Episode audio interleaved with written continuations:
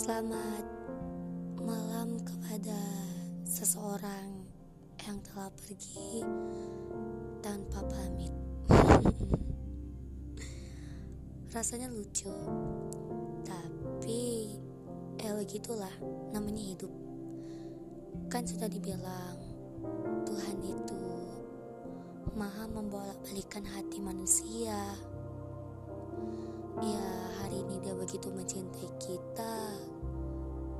Besok hari dia malah membenci kita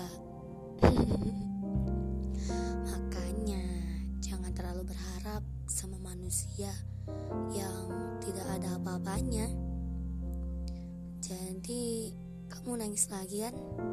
Sakit hati lagi, patah hati lagi Bahkan kamu terus-terusan menyalahkan diri sendiri.